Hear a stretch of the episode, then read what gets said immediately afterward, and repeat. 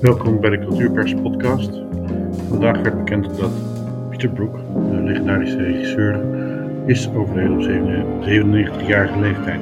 In 2014 sprak ik met Pieter Broek, samen met twee andere journalisten. En uh, het leek me een mooie gelegenheid om dit gesprek in al zijn ruwheid en alle vormen toch nog even aan jullie te laten horen. Uh, het is een mooi gesprek waarin eigenlijk precies duidelijk wordt wat de man Pieter Broek voor een bijzonder theatermaker was. Uh, veel luisterplezier. So you're a free arrival journalist. Yes. Competition. Uh, well, we'll see about that. We're friendly, really. friendly competition. Friendly competition. Yes. We all have different audiences. Is the way I record? Of course. May I yeah. start off? Uh, okay. What? Because the show that we saw last night will go to Amsterdam to the Holland Festival.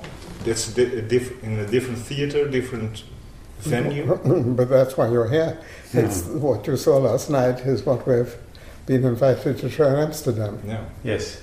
Yeah. And that's a completely different theater in Amsterdam. That is our permanent problem, mm-hmm. having created over so long a Bouffes du Nord.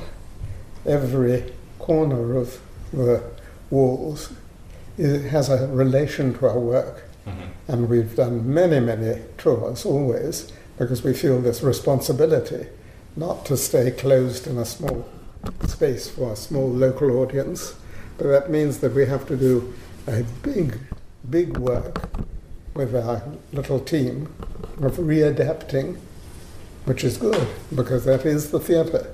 Mm-hmm. The theatre is not a fixed art form. No. The theatre is something out of life and it has to adapt all the time. When I do a new work, I have to be open to the influences of the world, which change faster and faster all the time. And one works, it's, I mean, we're like people, we're in a way like sailors with a sailing boat, and you have to, you can't have a theory in advance of how your passage Sometimes you're in easy waters, sometimes in difficult waters, sometimes the weather changes and you have to be ready for that. So for us, leaving the Bouffes means we have to find the best way of making the same experience come alive in a completely different space. Mm. Oh, yeah. But we had a very good experience in Amsterdam with the magic flute. Mm-hmm. Mm. You saw it? Yeah, I saw it. And it was good in that space. Mm. It's, it's, a very tran- tranquil space also, but Yeah. completely different Yeah. from the book. So, what was your impression last night for Amsterdam? Tell me. Well, I liked very of I liked the show very much, and also the discovery of the theater when the actress comes into the theater, and Yeah. that's totally different in the way it Mhm. will be showed in Amsterdam. Yes. Well, the theater is completely different. It's a very Yes. modern theater, Well, it will but have to be discovered in a different way. dif- discovered different way. Yeah, But for the audience, that's the reality. Mm. yeah, sure. It's no use having an imaginary reality of another place that isn't there. Yeah, But that, that's also very uh, um, faithful to your original ideas. I mean, because I, I have also some reader questions from, from people who read your book, of course, the, Mhm. the Empty Space. Um, that the theater has to adapt to, to, Yeah. to the place where, where, where it's sent. How do you prepare your Well, players? How did you, what was your impression as people from another country and another culture for the Dutch audience? Is this interesting? I think so. Um, What would you think? yes. I Sure. think so. It's very universal, and, and it's it's about the, the human condition, and, and that's not very different in Amsterdam than in Paris, probably. Hmm. Well, that's and the, the, the, the players have a very open and friendly uh, um, Mm. way of, of, of communicating to, to the audience. I think that that helps very much. I mean, you're not uh, uh, like some foreign players may come and do their thing and uh, Yes, rely on the on, on, on the titles. titles, yes. So very friendly to the French audience also. It- Good. So that worked very much for me. How did you like the performance? Because you were writing, we, we were We are sitting sitting just behind you. Or yeah, we're having some notes. Oh, uh, it's a living thing, so they're always. Now, for me, what is important is that what the audience receives Hmm? should be within the, the performance. One night can be up and one little down, but that Yeah. has to be within the context of the essential being received. And that I felt last night. The audience received, you could feel at the end, were all touched in the same way Mm-hmm. Yeah. and there are many details that was better on another night or will be better on another. That's the life of the work which always goes on. Hmm? Because you know, I've been, for, ever since we've been here, an enemy of this old fashioned idea of the first night. Hmm. For Mhm. me, the first night is just a step on the journey. It's a port where you go into before taking the seas again. And everything has to go on developing through to the last night. And this I've seen in my life in so many plays, musicals, even big musicals on Broadway, which with this obsession of make or break on the first night, Hmm. I saw something which had a great potential, and two weeks later could have been marvelous, but because of this ruthless thing of Hmm. It has to be on the first night, so much good work has been lost through that obsession. Critics, audiences, everyone. This is the event. We have to show ourselves in our best clothes. See our friends, and at once in the interval, give an opinion Hmm. and looking to certain famous people in the audience. And then there's a famous story from Broadway that somebody meeting someone else, a friend, on a first night, the question was never, How do you like it? but How do you think they like it? Hmm. Always that. that Oh yeah. uh, so, and so here, on the contrary, this is a permanent process, and that's why the tour is part of the life. And what are your sources of uh, inspiration for the this text? The, the memory. I, there's a book that's called uh, "Theater as a Memory" from Frances Yates. It's about theater as a memory, no. or the book of No, no, no, no.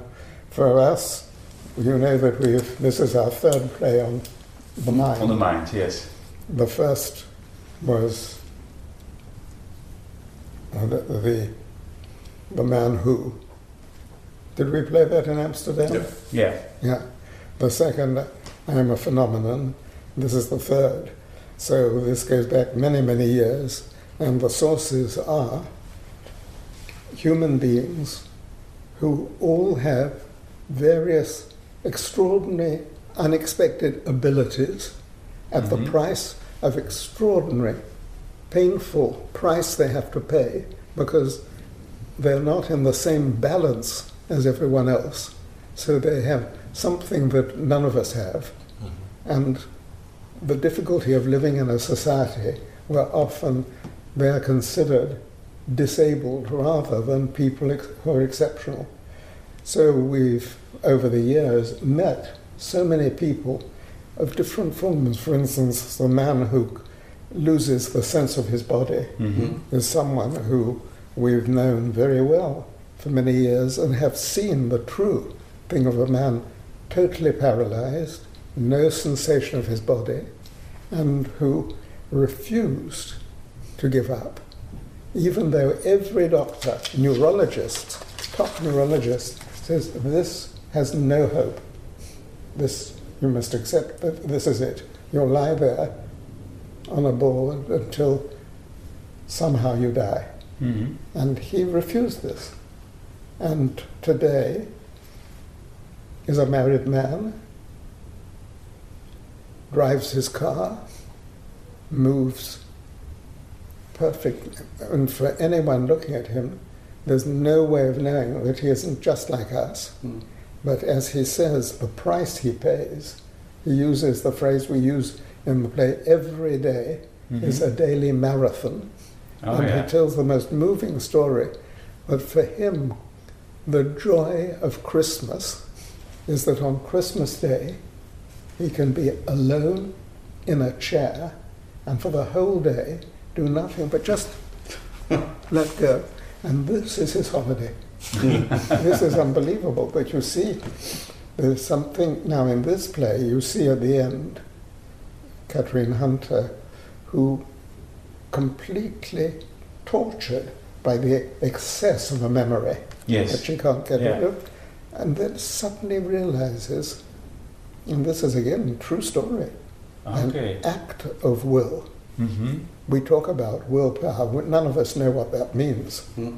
But one saw with this man what willpower is, and with her at this crucial moment when she is tortured, Mm-hmm. having to go on every night for a year or two years, performing, performing, earning her living, having applause, people saying you're wonderful, and her mind being more and more full of pictures and numbers and pictures and numbers until it's exploding. And she finds in herself, in this secret resource of a human being that nobody today can really understand, but which we call will, somewhere this possibility, as she says, suddenly, to say it's possible for her to say no. Now, why is my phone ringing for one moment? Hello? No? It rings and there's no one there. Well, it's just as well.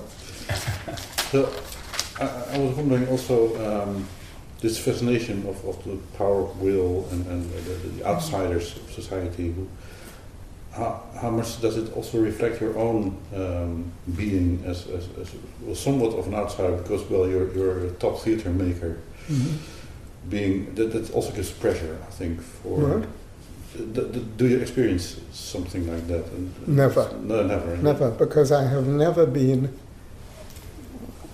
For me, theatre has been, oh fuck, has been a gift from the gods. I don't know why, but it happens to be a field in which I have a certain freedom. Some people have that in music, some people in cooking, some people in sport. hmm It's, and one can't say how. It's in the genes. It's genetic, and I'm. So for me, the only emotion that I feel profoundly is gratitude. Gratitude for having this Mhm. capacity. For the rest, I'm not, and this often shocks people. I've never been a theatre lover. Really? No, I'm part of life, and life throws up all sorts of forms, and this is my field. hmm But you ask even a peasant who has one field, which is he knows is where he has to work, but are you in love with fields? no, it's, this happens to be my field. Okay. But and I go to see plays because I'm full of admiration for what other people do. Sometimes I like them, sometimes I don't.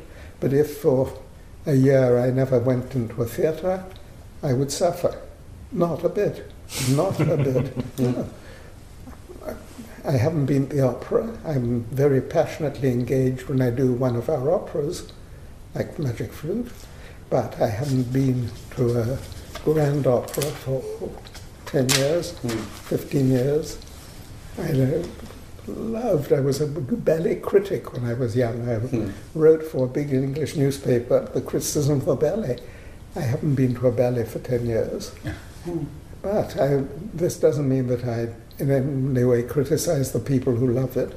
No. Life is full of things, and every day brings something different. And the theatre is just, I say, my field, and I'm very grateful to have it, and try to do with the theatre and the cinema. Cinema is very close to my heart, Mhm. and on this Sunday there was a big showing here at the Louvre of the Mahabharata, and I'm really delighted to have had this possibility of a film that I made many years ago on the war in Vietnam called Tell Me Lies was restored and shown very Okay. recently. And these are things that I, I love making films, but again, when the occasion is there. Hmm. How do you how do you uh, In the case of this show, mhm. part of the work of preparation was that I spent with Marie-Hélène Estienne, working very closely together, two years preparing a film on a Russian phenomenal memory. And we went to Moscow, we talked to people, we read the private diary, which only exists in manuscript, of this man who had this great memory. And although this is a completely different case, this meant that we were deeply uh, engaged in this subject, and the film couldn't be made because the producer couldn't find the money. Hmm.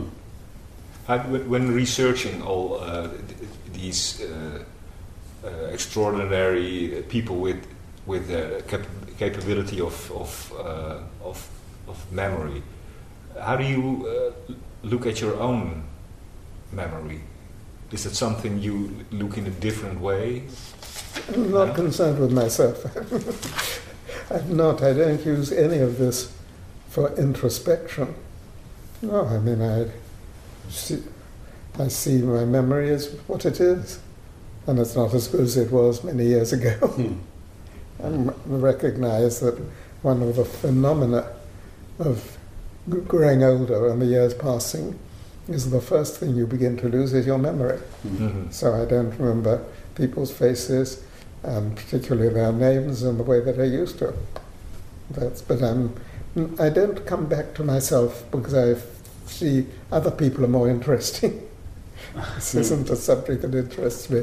But um, no, what is, I must stress that while the story, a story has to have a main thread, and is the story that Kathryn Hunter plays of the memory. But within this, we have all these other things, which is why right away she's told that she has synesthesia, Mhm. because synesthesia is something much more common than anyone believes. Mhm. And you'll find when you write about it, no one today has ever heard this word. Even doctors, my friend doctors, I say to them, They don't know it. nobody knows.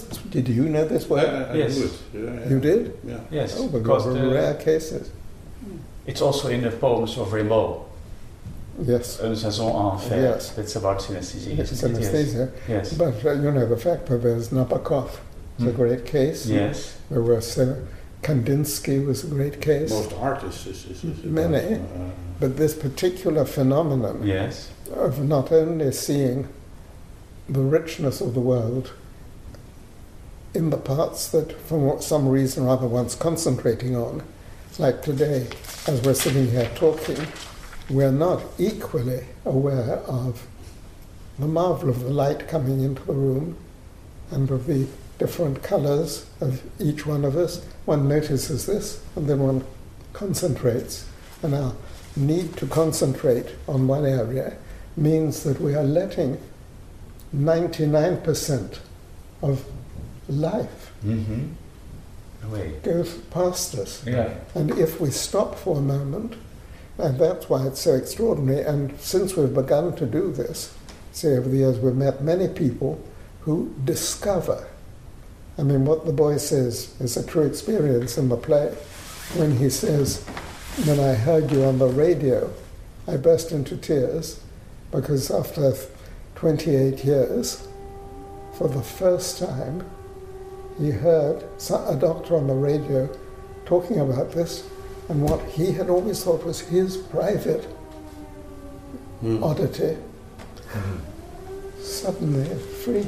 And Yeah. with all the people that we've met, almost all have a difficult childhood, have been very badly treated by school teachers and very often by their family, by parents who say, no, no, no, stop it, nonsense. Hmm. If you go on Oh, like yeah. this, nobody's going to even take you seriously. They'll think you're mad. And it's terrifying that. And so today, the widening recognition that this is not a disability, but an ability, a unique form of perception Yes. with, with a price to pay is very important. And I say there are so many concealed people who suddenly come into the open and call us. I mean, I met a woman in England, a middle aged, very fine, distinguished English lady with a beautiful house in the country, typical of the upper class English woman, who heard many years ago. On the England on the BBC one afternoon there was a, her daughter heard a program about synesthesia Mm-hmm. and suddenly realized when her mother who was I suppose about 55 or 60 that it had struck her that as a child her mother had a different color toothbrush for each day of the week. And she couldn't take a Tuesday brush which was green on a Thursday, which was blue, and this was not possible. She just saw this and didn't realize until, as I say, 40 years later, she heard this program on the radio and came and told her mother. And her mother, it opened something marvelous for mother, who was a painter, and it freed her painting. Hmm. She allowed herself to paint Ah, yeah. But that's also because nowadays uh, we have uh, th- th- this new psychological handbooks, uh, the DSM four or five, you know. There are a lot of um, psychic, uh, uh, uh, psychological ways of being are now treated as something odd, something. Uh, I, I mean, it's a bit contrary to, to what your uh, uh, mission Mhm. might even be. Is that a, is that something that concerns you? I mean, that- Yes, I think that the theatre, I haven't a mission, the theatre has a mission, Yeah. and the theatre has, in a society where the negative and destructive forces are more and more powerful and more, more I'd say, influential mm-hmm. on every level, the theatre is a special moment where a small number of people, and it has to be in that way, not considered elite in the stupid way politically in the 70s, they theatre is elite for the bourgeoisie. No, it is special for people who want this. But in the theatre, a small number of people can come there and for a moment together have an experience that stays with them because something is opened that is not destructive. And here we started the man who, with a feeling that was very important to show that the people who, with a tradition that's gone through centuries, and it's all through the 19th century and the 20th century, that people with odd behavior were considered still in this big category mad. You see somebody sitting doing that from time to time. Mm-hmm. Now today it's understood that this is a condition that doesn't prevent the person being an open, loving, useful member of society. But this Tourette syndrome, Mm. Dr. Tourette, 200 years ago, named it. And we put in the man who several cases of Tourette, and one could feel them through the actors and the audience. They're not mad. They're not mad. That's a, just a big word to help one, for the mothers to Mhm. say the children don't look, he's mad. The person's, and in the old days, that led to the work I did on the Marat/Sade. They all put together in this terrible way into one sort of madhouse where artists, talented people, dangerous people, and feeble people were all mad and treated brutally mm-hmm. in madhouses. Yes. Thank God. But I think that at the time of the man who, we were beginning to allow the theatre, which is a place where one can understand in human terms, even that's what all of Shakespeare's about, that he could show us in Othello. When Othello is well played, which isn't often, but in the production recently, did you see at the National Theatre in London? Nicholas Hytner did a magnificent production in which one could understand Iago. And Oh, yeah. through entering into what Shakespeare had written, and instead of coming with the same idea, I know before I start, the actor and director says normally, Iago is the bad man. But to show in the same way with we're talking about these cases, that Iago is a very complex man, and to understand how his own jealousy of a man who was promoted in the army ahead of him, how a, middle, a man of a certain age suddenly finds that the man who gets the job that the good job he was moving towards is suddenly promoted. This happens in every company all the time. But here, in that society, a black man, that suddenly, when you're sure with your wife, with everything, this is the next step. This is clearly I'm the candidate for this. And suddenly, the man who comes ahead of you, and this was several hundred years ago, and it's the same today, that I'm sure that in many, many companies, in Holland for instance, somebody who gets a promotion and who happens to be black, hmm there's at once. The whole of the right wing Holland can understand. Yeah. and, and this was presented actor so. It didn't in the end make one feel that he was right in just doing all he did, but you could understand how act by act you could understand how it was coming. So the play is much more tragic, much more rich. It's Mhm. real tragedy. You see him and the fellow coming together with two destinies that have to go to a tragic end. That's what Greek tragedy was. Mm. All these, and so that is exactly the same in- in what we're talking about. Oh yes.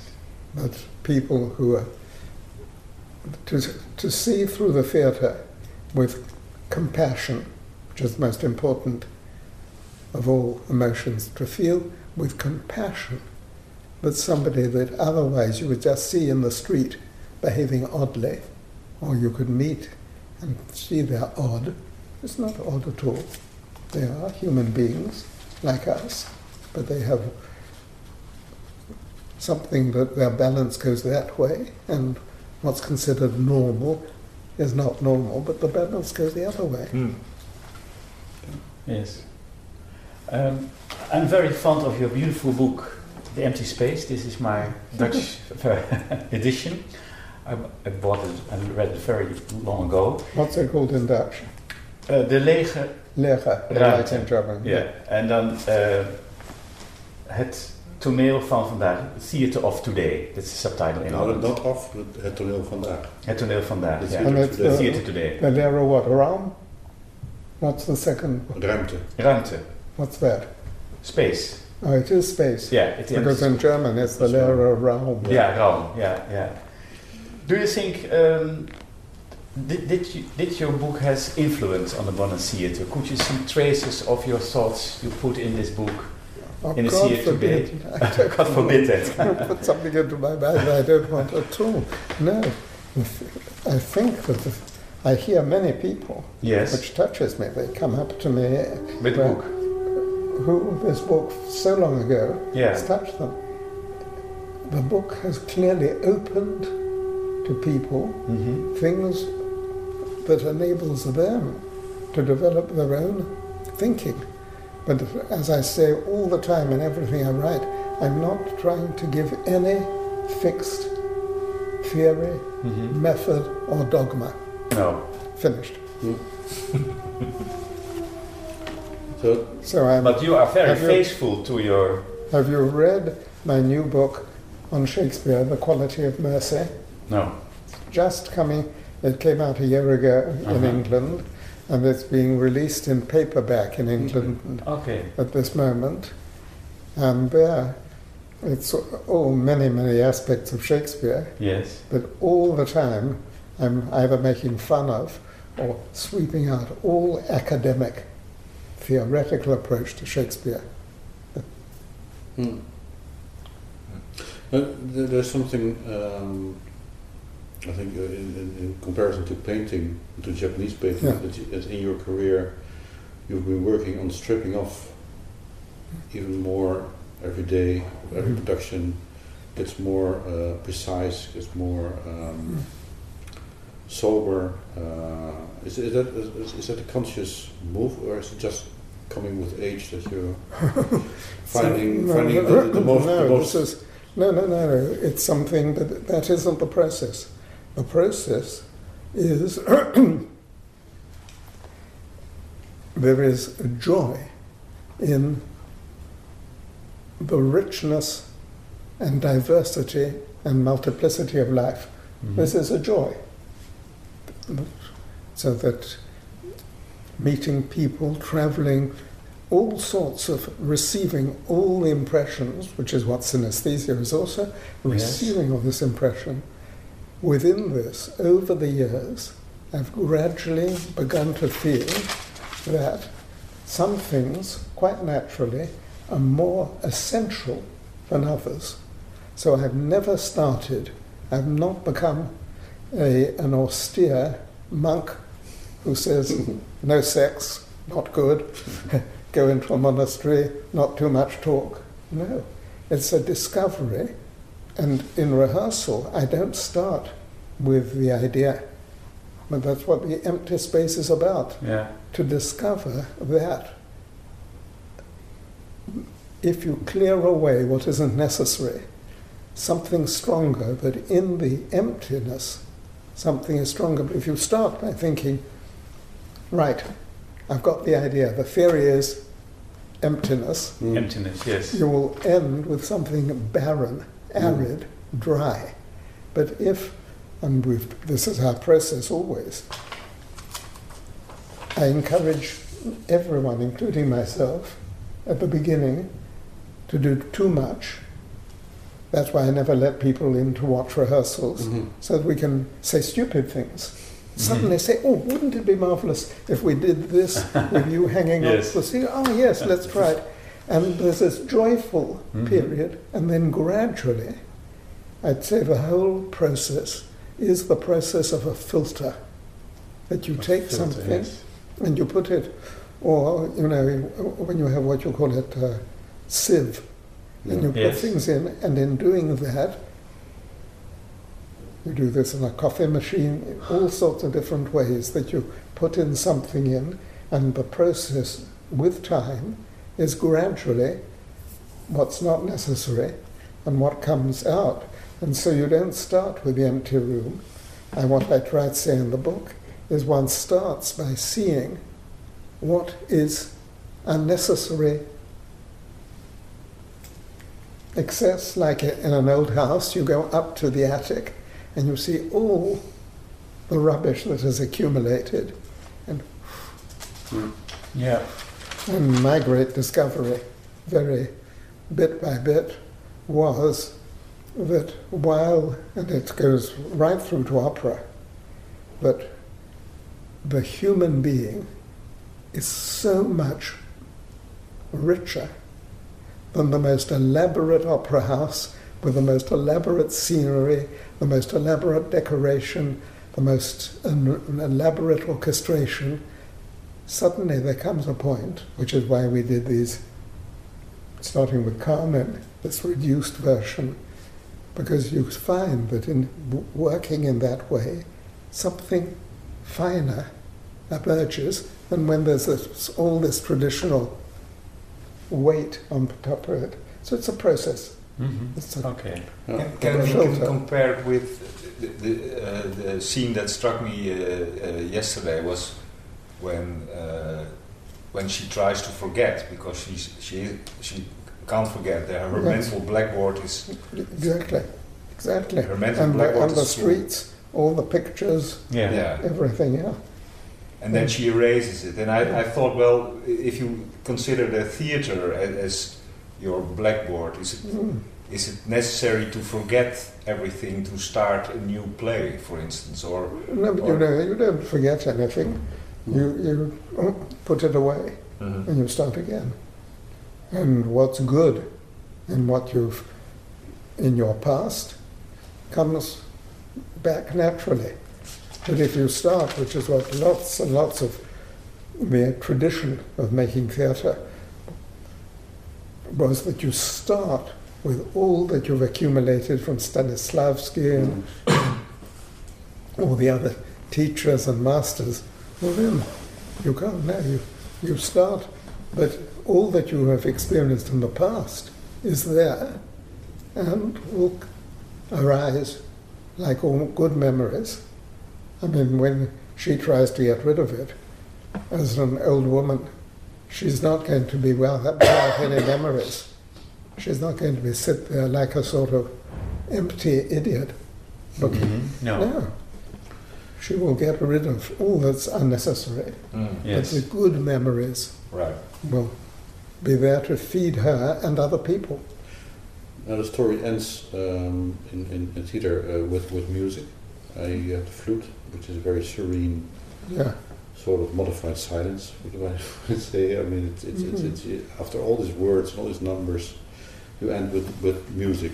Mhm. Is that also something we say, well, well, well, Oh, yes, somebody said to me that Tchaikovsky, there was a journalist I was speaking to yesterday, and he's from America, he said that Tchaikovsky wrote, music is what goes beyond what words can say. Mm-hmm. And this is true. And one can express so much with words, but there is a point when something more can be expressed between human beings, which is beyond words. And beyond words, there is silence, but between words and silence, there is another living material, which is music, which is words are a vibration, but the words filtered away, you come to melody hmm. and rhythm. And we've worked for years with this marvelous Japanese, Toshi, and it was very clear he was in every rehearsal following and living every process of this, but that for him we could feel that at the end, instead of stopping on a dramatic end, a theatrical end, he could just, and I think every audience feels this, Mhm. feel Yeah. every audience because he's he's not making music that's abstract. It's the music that's come out of his eh, living participation, that performance. With so his music is comes out of the audience and the actors that he's lived through, playing, watching, listening, and then at the end the full distillation can say this Distillation. the yes. distillation of the evening comes into his playing. So that that could be different every Oh, always. night, always. Yes. That is Okay. that is the freedom of the great Indian, Japanese, Asiatic traditions of music. Mhm. Yeah. But music is not in the Western tradition of something that is fixed in its form. Hmm. Mhm. Yeah. But even if the notes some seem to be the same, it's like in this fine mini-tone singing of the Indian raga. The Indian raga is based on very strict rules, but at the same time, it's something that has to be refound at different hours of the day.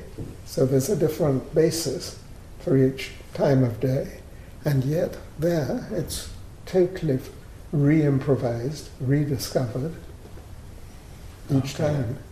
There's quarter tone singing. Hmm. It's a different tradition, and Toshi is part of it. Now, the musician who collaborated so closely with this Franck Krawczyk for the Magic Flute Mm. is the very rare case of a Western composer, pianist, who lives in this tradition. Did you see the film of the tightrope? No. You know what that is? Film my son made of one of our exercises. It hasn't been shown in Holland. I don't know. I don't know, no. And uh, but both the, we have the piano of Franck Krawczyk and Toshi continually working together. Mhm. Hmm. Oh, This was a film you could discover. It was a film that was made for Arte. Yeah, Okay. I think it will interest you. Maybe we'll find it on YouTube. I, I hope. Maybe. Oh, that was my, one of the questions of, of my readers uh, to you was also um, the world has changed a lot. I mean, you have a you have a mobile phone with a, a Mhm. have a smartphone. I mean, everyone has one now. Is, is communicating uh, on Facebook. Is Mhm. profiling himself. Is, is, is being is manifesting himself. I mean, how how uh, does that for you as a theater maker, uh, a living human being, uh, um, this world is changing the world? How do you view it? Is it is it, is it something good or something bad happening? Oh, I go back to the deep win- wisdom of the oldest of all our traditions, which is in India, in the Mahabharata. Where the basis of Hindu thought is the understanding that humanity very quickly reached its highest point, and that in the Vedic period in India, there was the finest thought, there was the finest understanding on all which are aspects of life, and that that was the first of the four yugas, and each epoch that follows is a slow descent of humanity, and we've now reached what's known as the Kali Yuga, which is the most, the lowest, where there are all terrific energy and activity, but it's all on the lowest level, Mhm. and that this certainly it has all its practical level of usefulness, which we all w- use to f- function. But we can't for a moment believe that, for instance, to have this, so that we don't even have to memorize a phone number, That's right. and you compare with the fact that the Mahabharata, which, and when it's written, is 18 volumes, but for the first several hundred years, many thousand years a day, the storytellers all over India would tell this enormous thing, would tell roughly the same in every detail, but it was never written down. It was hundreds of years before even that happened, and research has shown that in many different parts of this giant country, continent of India, it was exactly the same because the memory. Mhm. I mean, even what we're showing here in this story is nothing compared with that gigantic possibility. Now it comes down, and there's a real illustration of human capacities being more and more reduced with compensations. There are all sorts of compensations, but in fact, if you look at the fact that we're on the edge of a new war between the East and West in the Ukraine, I mean, it is pitiful to think that all of this, with the idealism, with the philosophy, with the art, with the United Nations, with the League of Nations and its failure, a murderous war, this time the United Nations will end this forever. And the United Nations, one can see the poverty of that poor United Nations, who they meet and have dinners and lunches and write reports. They have nothing else to do Mhm. and type them on their computers. So that's where this one has to look at this in its place. Mm. It's just, if this is part of society, I use it like you do. Yeah. But I was thinking, for the three of you, can you think what it would be? Because this isn't the only interview you do. Mhm. If at this moment all the interviews you have ever done were crowded into your mind Uh-huh. All at once, Sometimes it's good to forget. I mean, oh yes, Yes. that's what Oh, you. yes. So, uh, well, we're, we're at some low point in, in, in history. Is, Mhm. is is the only way up from here, or do we go further down? I mean, I am no prophet. I can only say, as somebody who is basically optimistic, mm, that there is the natural physical law of something that bounces, and that when you come down, something can begin to bounce up, mm, and that one hopes that there will be always, by necessity, more and more people who feel that they must fight against the current. mm, It's easy to go with the current. It's easier. That's why, for young people today, it is more and more difficult because for them not to go along with the computer, YouTube, mobile cell phone culture is very difficult because everything in that way works. And there are many rewards on the ordinary level. But to have a feeling that, yes, but there is something, and that's what the theatre um, can sometimes, and music can sometimes open, yes, but it's not true that this is the whole of life. There is there's a wonderful phrase of Shakespeare's, which I quote in my new book, which says everything from Coriolanus, where he says, There is a world elsewhere. Mhm. And that's the most hopeful thing one feel that yes, but and in that way one could begin to, to have reached the bottom and begin to go up again. Let's Mhm. hope. mm. Hmm. Can you uh, compare with the, the situation of young theatre makers now with uh, the way you started out in the theatre? What what what what are the new challenges? No, there's- it's endless. But young people must find their own way. Mhm.